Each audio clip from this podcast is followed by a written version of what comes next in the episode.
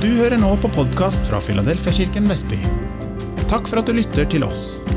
Vi håper det vil være til oppbyggelse og inspirasjon, og ønsker deg god lytting. Finn flere taler ved å søke Filadelfiakirken Vestby i din podkastapp. Hvorfor er egentlig hellighet viktig og et emne? Ja, Det er først og fremst fordi at Pavel spurte meg om det, kan du si. Men jeg er veldig jeg skjønner den veldig godt. At det er faktisk noe som er, er viktig. Altså. Det tror jeg vi, vi vil, Du vil være enig med meg etter at vi har snakka litt sammen.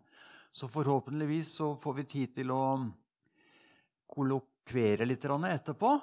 Og at eh, det kan være lurt at dere noterer dere ned litt eh, spesielt bibelordene.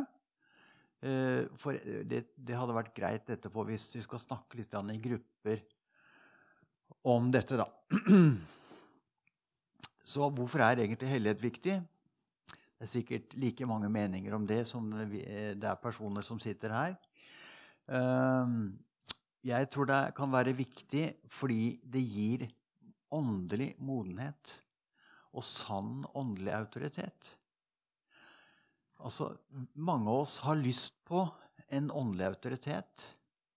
Vi trenger det når vi ber og når vi skal eh, forholde oss til mennesker. Så eh, det er viktig for at vi skal få en åndelig autoritet, at vi jobber med helliggjørelse sjøl. Og eh, nettopp fordi det er viktig, så står det også en åndelig kamp om din og min hellighet. Så jeg opplever selv at eh, Like til i dag så har Herren vist meg nye områder hvor det har vært behov for renselse og helliggjørelse. Så selv om jeg er frelst, så har jeg hatt problemer med, og har fortsatt problemer f.eks. med hardhet i hjertet. Og andre typer synd. Hvorfor det? Jo, fordi jeg har en fiende som eh, aktivt ønsker å friste meg. Til hva da? Til synd og syndige holdninger. Hvorfor? For at min frimodighet skal vike. Tenk på alle de kristne som er så fornøyd med å sitte på stolen og høre. Jeg tror en av grunnene nettopp kan ha noe med dette vi skal snakke om i dag, å gjøre. Og ikke minst jeg tror at vi blir fristet for at vi skal miste eh, frimodigheten, og den åndelige autoriteten, ikke minst, skal svekkes. Eller kanskje, i beste fall fra djevelens side, dø. For å få oppleve renselse og helliggjørelse har det for meg vært nødvendig å ydmyke meg innenfor Gud og mennesker. Å bekjenne og omvende meg fra synd. Jeg har opplevd at eh, nettopp ydmykhet overvinner djevelens angrep. Så ydmykhet er et veldig viktig stikkord. Dette bekreftes i Jakob 4, 6, hvor det står at Gud gir nettopp den ydmyke nåde. Det er verdt å merke seg at det er Gud selv som, de, eh, som gir deg og meg dette løftet. At Han, Gud selv, lønner din og min ydmykhet med nåde. I denne sammenheng betyr denne nåden gratis renselse fra synd. Dermed blir din og min ydmykhet avgjørende for at Gud skal rense deg og meg fra vanhellighet. Jakob 4,6. Men han gir enda mer nåde. Derfor sier han, Gud står de stolte imot, men de ydmyke gir han nåde. Kan, hvordan kan stolthet uh, vise seg når det gjelder synd, f.eks.? Det er at man ikke vil innrømme synd. At man heller vil synde og skjule det. For seg selv, kanskje, til og med i hvert fall for nære. Så, men dette Den helliggjørelsen som jeg er midt oppi, og, og jeg opplever at det har blitt mer og mer av det. Jeg har sagt det i andre sammenhenger her i menigheten også. Men hvorfor en helliggjørelsesprosess? Jo, jeg tror at Gud står bak, og han ønsker å gi en ny start. Han ønsker å løfte opp, gi nytt håp, og ikke minst gi Den hellige ånds kraft til mine søsken i Herren og meg selv. Så jeg tror det at uh, mer og mer at uh, Den hellige ånds kraft har noe med hellighet å gjøre. Alle vil jo ha kraft, ikke sant? Jeg tror i hvert fall det. At alle kristne ønsker kraft. Ja, men hvorfor tar vi ikke da opp at hellighet er en viktig vei til å få åndelig autoritet og kraft? Så dette innlegget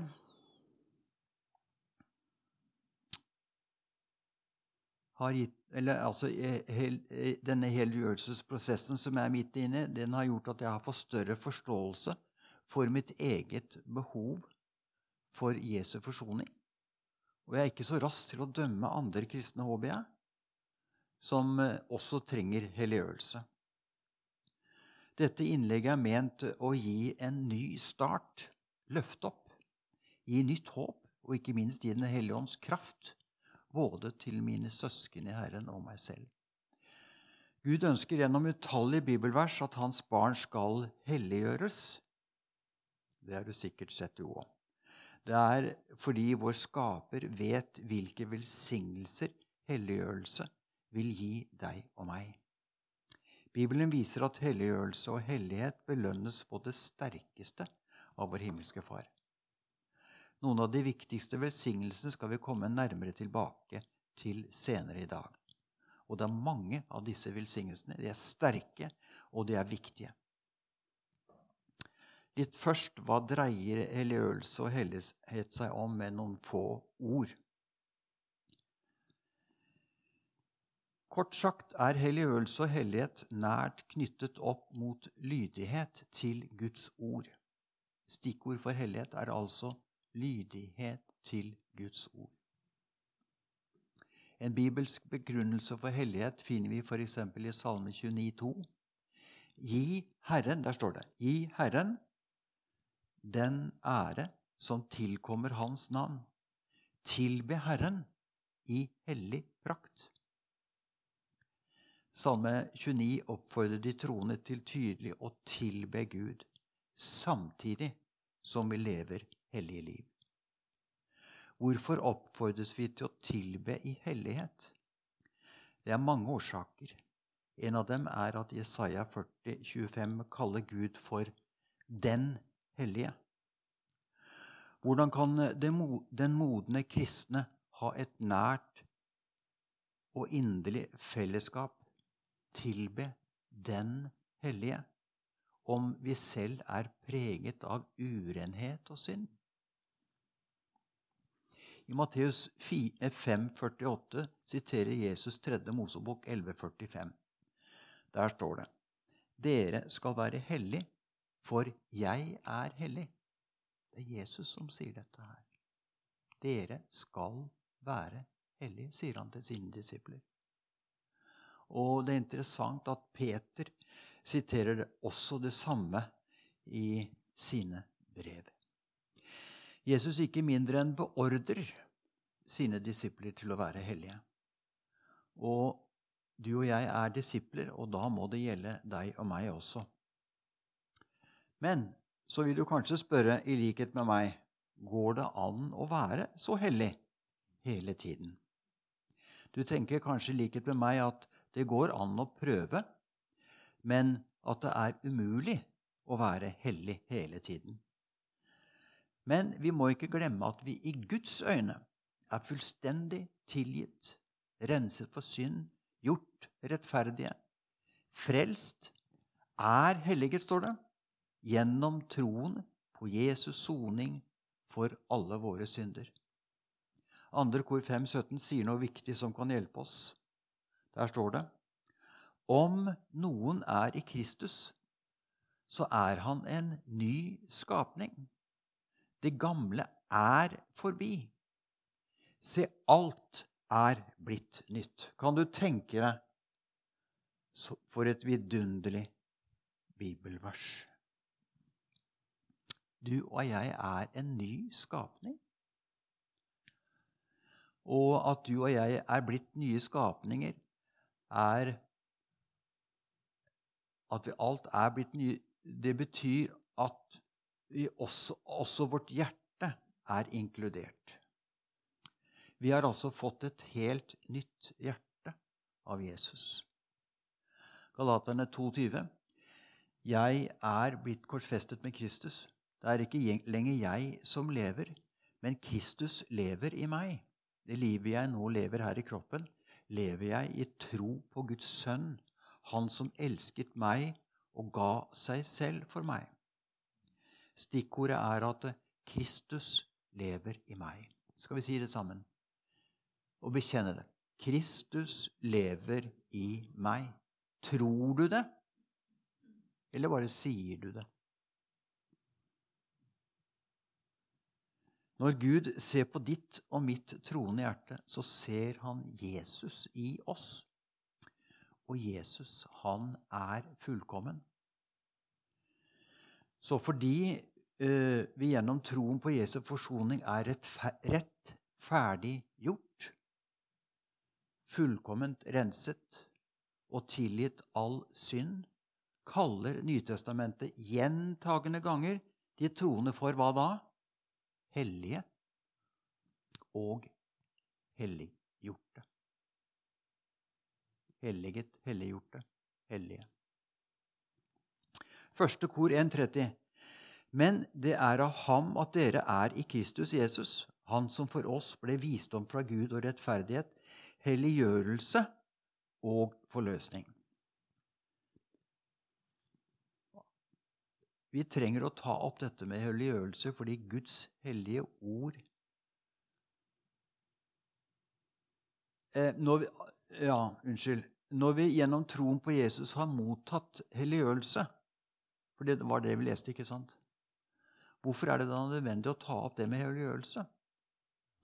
Vi trenger å ta opp det med helliggjørelse fordi Guds hellige ord ofte formaner oss til helliggjørelse. F.eks. første kor 1-2, som sier til den Guds menighet som er i Korint, de som er helliget i Kristus Jesus, kalt til å være hellige. Dette bibelverset klarer at menigheten av de troende er helliget, mens samtidig kalles til helliggjørelse. Så dette kallet til helliggjørelse står også nevnt i 1. Tess 4 styv, som sier For Gud kalte oss ikke til urenhet, men til helliggjørelse. Sistnevnte type helliggjørelse beskriver en renselsesprosess, renselsesprosessen som gjør Guds barn mer og mer lik vår Herre Jesus Kristus. Og denne type helliggjørelse varer hele vårt kristne liv. Hvorfor er helliggjørelse og hellighet viktig? Det er mange svar. De svar som gis i dag, kommer i uprioritert rekkefølge. Et av svarene er at hellighet gjør oss i stand til all god gjerning, som 2. Tim 2, 21 viser. Gjør til, gjør deg og meg i stand til all god gjerning. Et annet svar finner vi i 5. Mosebok 28, 1-14. Interessant å lese hvis du har tid. Det rekker vi ikke nå, men de lover som lover de som lyder Guds ord, velsignelse. Ja, i vers 8 står det Herren skal befale velsignelse over deg. Altså den som lyder Guds ord, og som da lever hellig. Tenk når Herren befaler velsignelse over deg og meg. Tror du vi blir velsignet?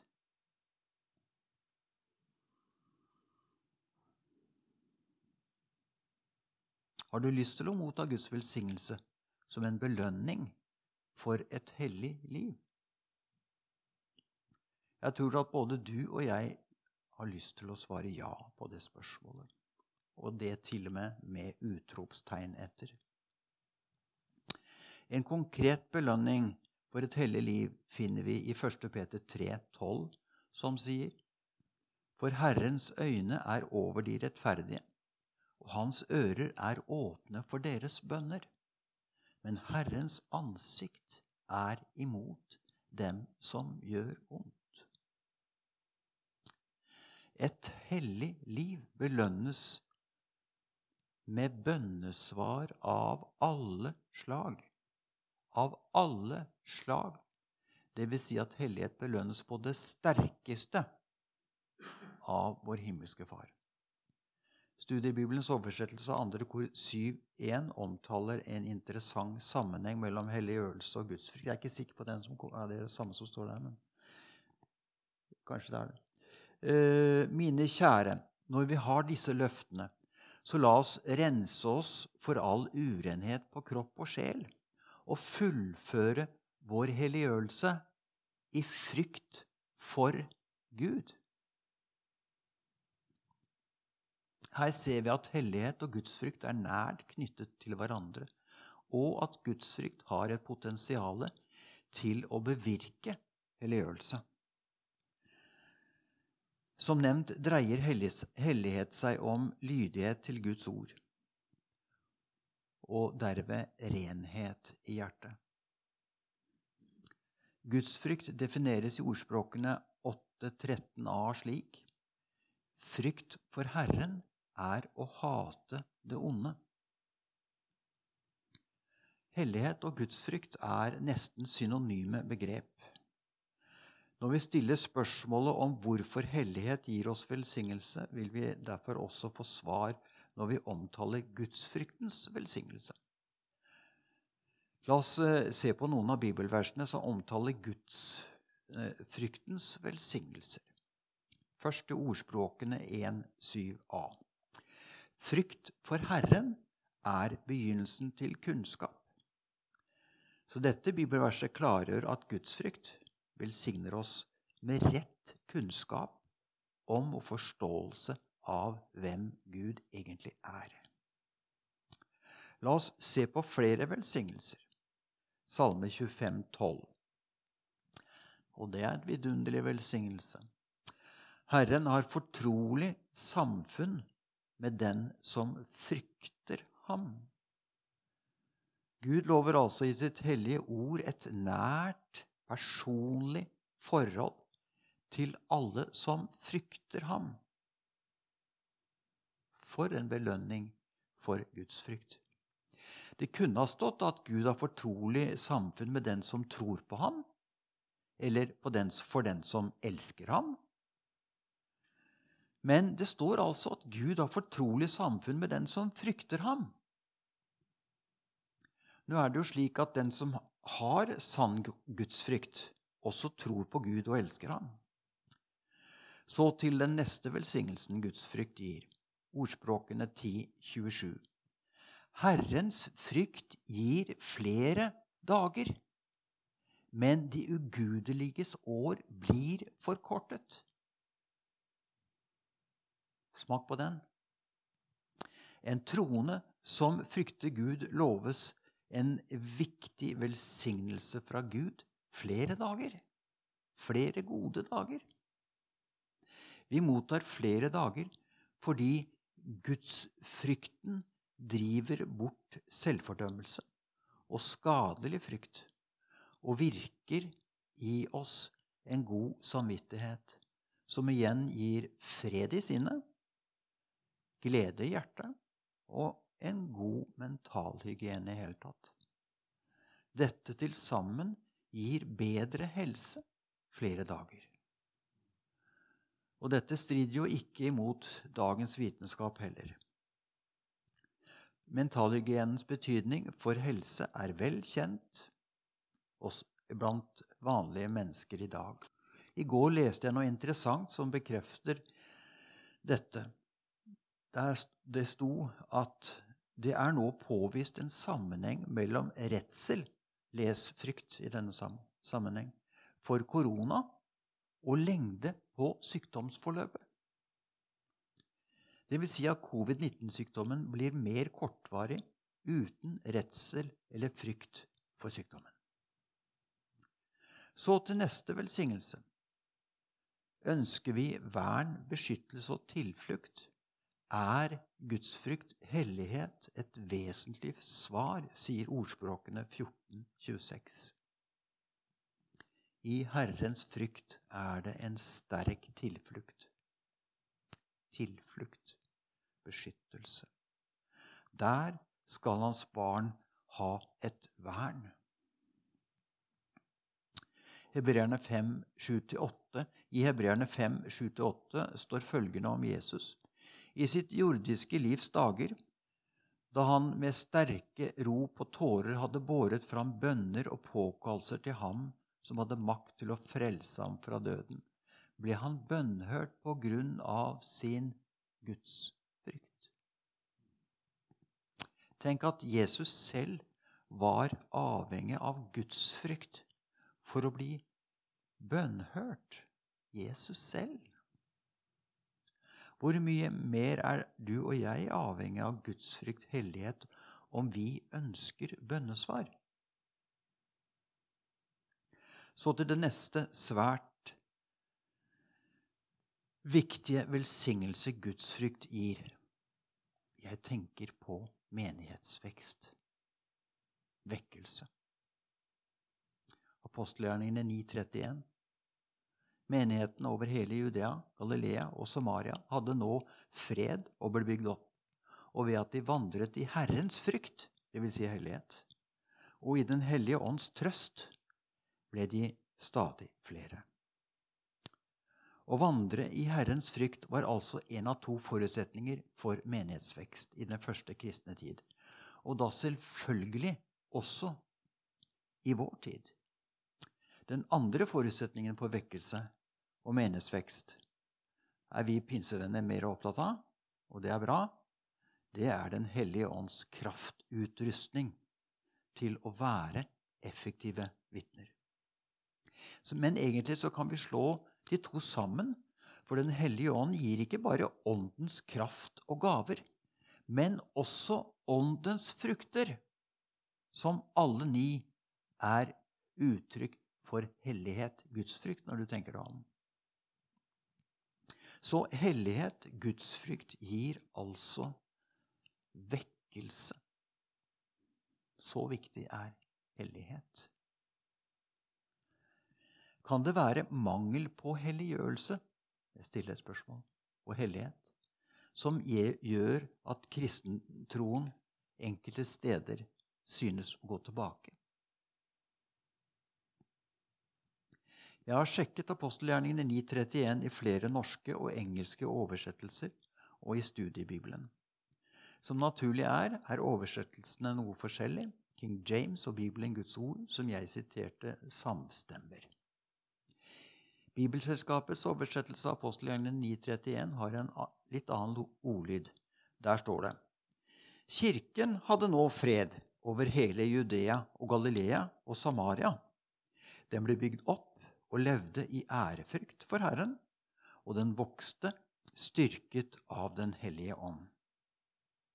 Men også sistnevnte oversettelse viser at gudsfrykt har bidratt til menighetsvekst.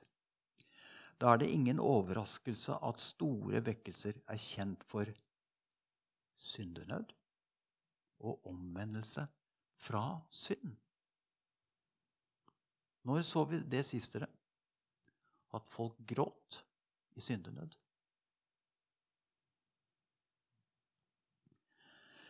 Enda en stor velsignelse gudsfrykt gir, finner vi i 2. Peter 1,4, som taler om å få del i guddommelig natur. Les bli fylt av Den hellige ånd. Etter å ha flyktet unna fordervelsen som tilhører lysten i denne verden. Å flykte unna fordervelsen, les synd, gir oss del i guddommelig hva da? Guddommelig natur, dvs. Si Guds kraft. Så ønsker vi å operere sterkere i Guds kraft, er altså helliggjørelse viktig. Hvorfor forkynnes helliggjørelse i mange kristne sammenhenger likevel relativt sjelden? Jeg tror en viktig årsak er frykt for å havne i lovviskhet. Vi kan fort bli enige om, og det er vi, at lovviskhet ikke er bra. Men en sann og balansert forkynnelse av hellighet og gudsfrykt er ikke det samme som å forkynne lovviskhet. Du og jeg skal selvfølgelig ikke bare frykte Gud. Vi må forholde oss til alt Guds ord, selvfølgelig inkludert det første og største budet, som sier at vi skal elske Gud av hele vårt hjerte. Det er med andre ord utrolig viktig for deg og meg at vi av hele oss elsker Gud. Men kan det være en sammenheng mellom gudsfrykt og kjærlighet til Gud? Johannes 14, 23 viser at det er en vidunderlig sammenheng mellom kjærlighet til Gud og gudsfrykt. Der står det Jesus svarte ham, Hvis noen elsker meg, vil han holde mitt ord. Og min far skal elske ham, og vi skal komme til ham, og vi skal ta vår bolig hos ham. Å, så vidunderlig bibelvers, dere. Vi! Hvem er vi? Den treenige Gud. Skal komme til deg og meg og ta bolig i oss. Når vi elsker Gud gjennom å holde Hans ord, dvs. Si lever gudfryktig, får vi i Johannes 14, 23 løftet om å få merke Guds vidunderlige kjærlighet og nærvær. Så til det neste. Vi skal ta opp litt om det Bibelen kaller for hjerte. Andre kongebok 16,9 eh, sier For Herrens øyne farer over hele jorden for å styrke den som har et hjerte som er helt for ham. utrolig viktig for Gud. Hva du og jeg har i hjertet.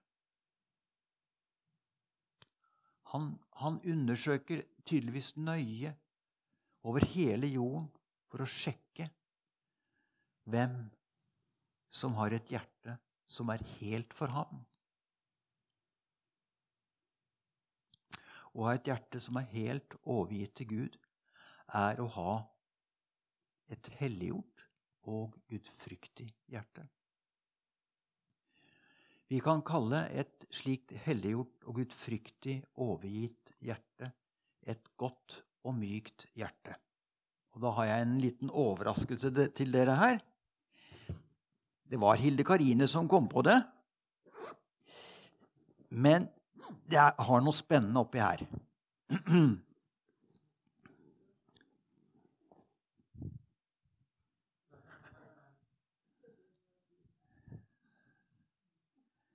Legg merke til den der. Et godt og mykt hjerte. Men hva er egentlig det motsatte? Skal vi se om vi får plass til den her, da? Nei, det var ikke så lett. Går det? Der. Sånn. Eh, hva er det motsatte av et godt og mykt hjerte? det er, Bibelen, det er det Bibelen kaller for et hardt hjerte. Et hardt hjerte er kjennetegnet av at det ikke er så lydig til Guds ord. Bryr seg egentlig ikke så mye om Guds ord. Bibelen har en tendens til å bli liggende på hylla. Eh, et hardt hjerte blir etter hvert vanhellig og mangler mer og mer gudsfrykt. Det er ikke noen selvfølge at selv Jesu nærmeste disipler har et godt og mykt hjerte. Et eksempel. Jesus må faktisk i Markus 8, 17, irette sine nærmeste disipler, de tolv, for at de hadde et hardt hjerte, et ikke helliggjort hjerte. Denne anklagen kom Jesus med som en respons på apostlenes vantro. Vantro, dere, det er synd. Og det gir et hardt hjerte, sier Jesus. Selv om vi er født på ny, frelst og Jesu disipler, trenger vi alle å være på vakt mot et hardt og vantro hjerte. Så under arbeidet med denne bibeltimen har jeg blitt minnet om flere områder i mitt hjerte som er og eller var preget av hardhet. Et eksempel kritikk og dom over andre. Ja, jeg har eh, på grunn av slik kritikk latt mitt hjerte mangle troskap til enkeltpersoner og sammenhenger, også kristne. Jeg har spesielt blitt minnet om to områder jeg har, vært, jeg har trengt og, eller trenger å bearbeide. Og jeg tillater meg å være litt personlig. På grunn av hardhet har jeg på en ukjærlig måte kritisert og dømt en i familien for dennes barneoppdragelse og også livsførsel. Det var spesielt måten jeg gjorde dette på, som avslørte min hardhet. Og selv om vi noen ganger kan ha rett i sak, kan vi dessverre komme til å bryte Jesu ord i Matteus 7,1, som sier:" Døm ikke, for at dere ikke skal bli dømt.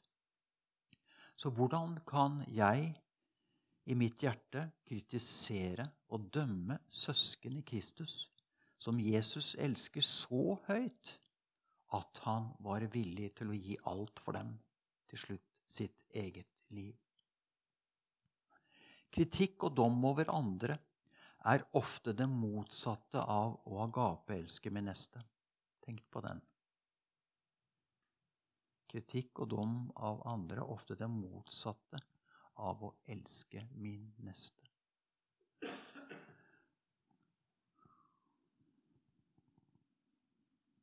Et bibelsk alternativ til kritikk, hva kunne det være? Da nevner jeg dette med å be for å velsigne isteden. Dette har jeg i gode stunder praktisert. Jeg husker spesielt En digresjon her. Jeg var jo rektor i mange år, og var en lærer som jeg hadde en veldig tendens til å irritere meg over. Eh, og um, jeg, jeg, klarte å bryte den holdningen, husker jeg, den gangen ved å begynne å velsigne personen. Og be for personen. Virk, virkelig be for personen. Så bare merket jeg at hjertet mitt snudde.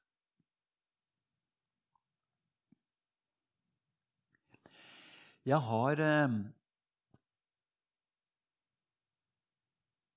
generelt Jeg tror generelt at et sviktende eller manglende eh, Jeg tror generelt at sviktende eller manglende agapekjærlighet er det aller viktigste tegnet på hardhet i mitt hjerte.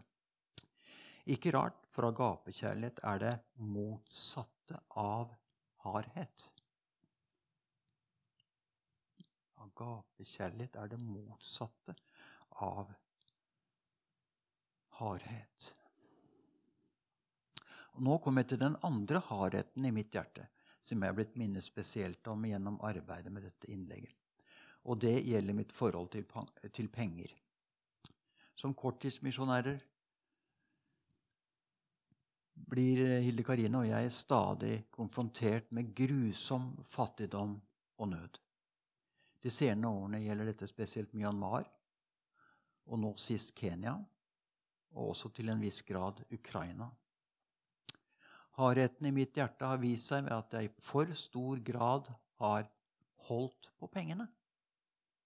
Til tross for at vi har bra med penger.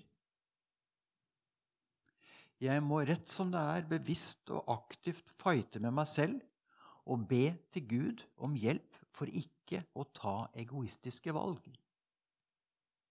Egoismen ligger ofte i bunnen av hardhet og er en motsetning til å agapeelske. Det vil si elske med neste uten forbehold, slik det første og største budet ber meg om. En trøst til meg, og kanskje til deg. Bare Jesus klarte å agapeelske fullt ut.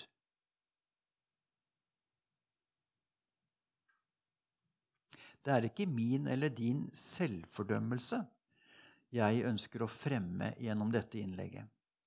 For Gud elsker sin brud, deg og meg også med våre feil og mangler, inkludert hardhet. La oss slå fast at uh, det er urealistisk å forvente av oss selv at vi alltid skal være fullkomne i uselvisk kjærlighet. Det er jo nettopp derfor eh, altså Jesus måtte tåle korset og gi sitt blod for å rense deg og meg som ikke klarer å leve helt uten synd. På grunn av Jesu forsoning, Jesu blods totale renselse for synd, er Gud heldigvis ikke ute etter å fordømme meg og deg. Vår himmelske fars agape, agape, nei, vår himmelske far agape elsker alle sine barn, også om vi strever med harde hjerter. Men det største og første budet viser at Gud sterkt ønsker at vi som disipler skal strekke oss ut mot målet og må agape elske både Gud og vår neste. Jeg tror at du som er frelst, en frelst disippel av Jesus, ønsker å agapeelske og praktisere denne kjærligheten ut fra et godt og mykt hjerte. Hvordan kan det skje at mitt og ditt gjenfødte hjerte likevel kan bli hardt? Det er mange årsaker. Her nevnes tre sentrale. Det første er uoppgjort synd. Synd er først og fremst brudd på det Guds ord og bud sier. Synd viser seg ofte når vi velger å følge vår egoisme eller den delen av våre følelser som er ugudelige, istedenfor å følge Guds ord og ledelse. Jeg blir litt skeptisk når jeg hører en person jeg kjenner godt snakker om at hun føler ikke for det. Det er begrunnelsen som hun har for å velge. Den eneste begrunnelsen, så vidt vi skjønner. Um,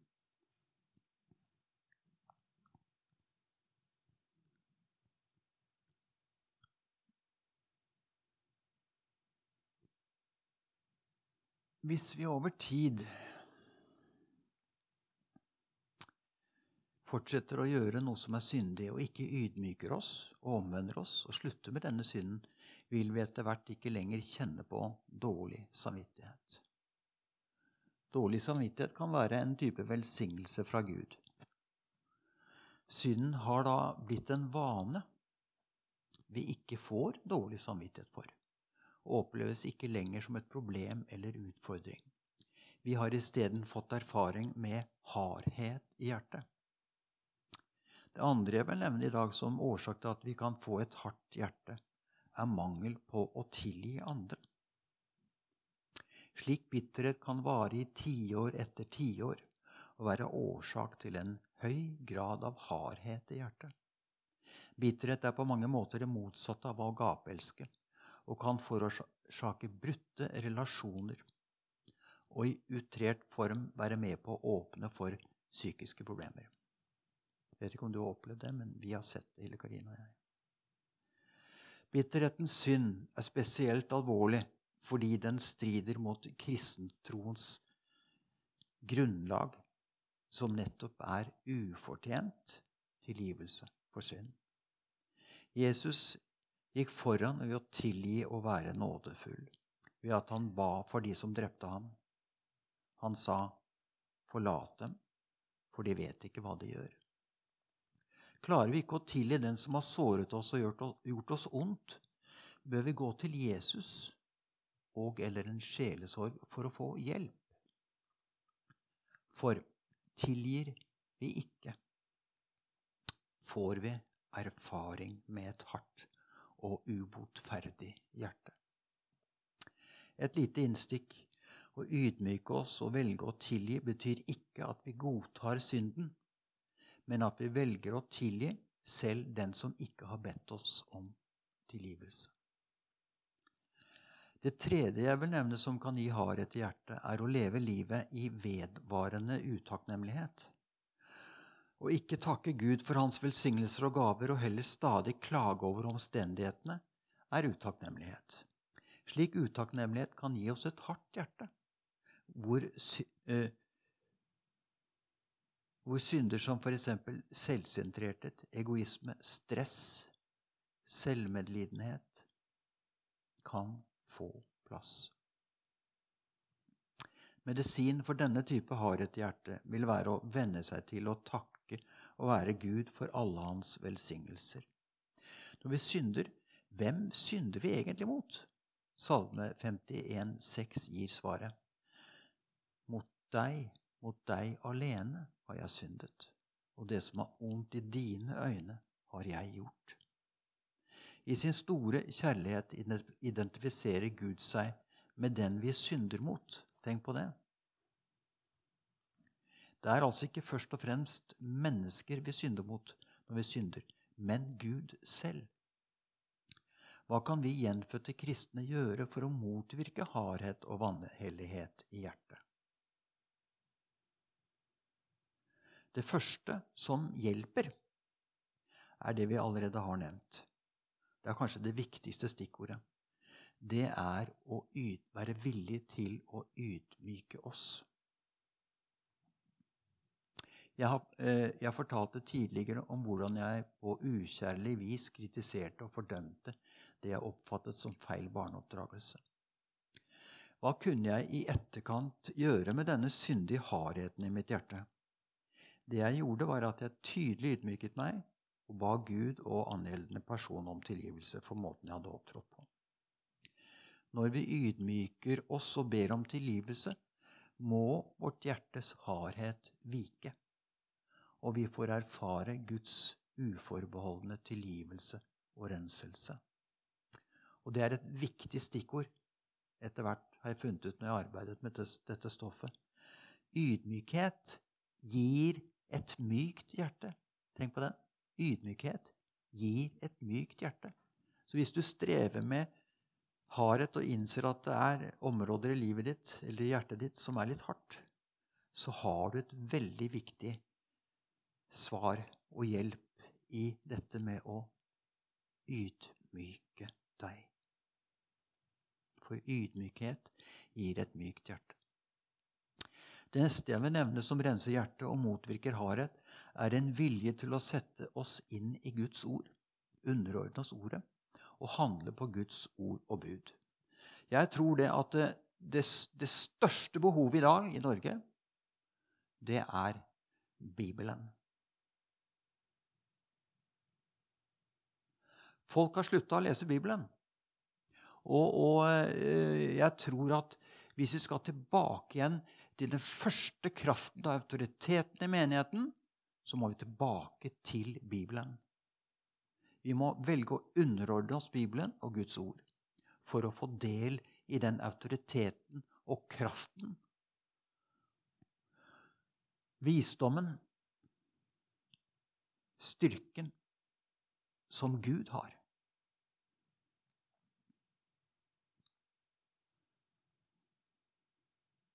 Efeserne 5-6 taler om renselse i Guds ords vannbad.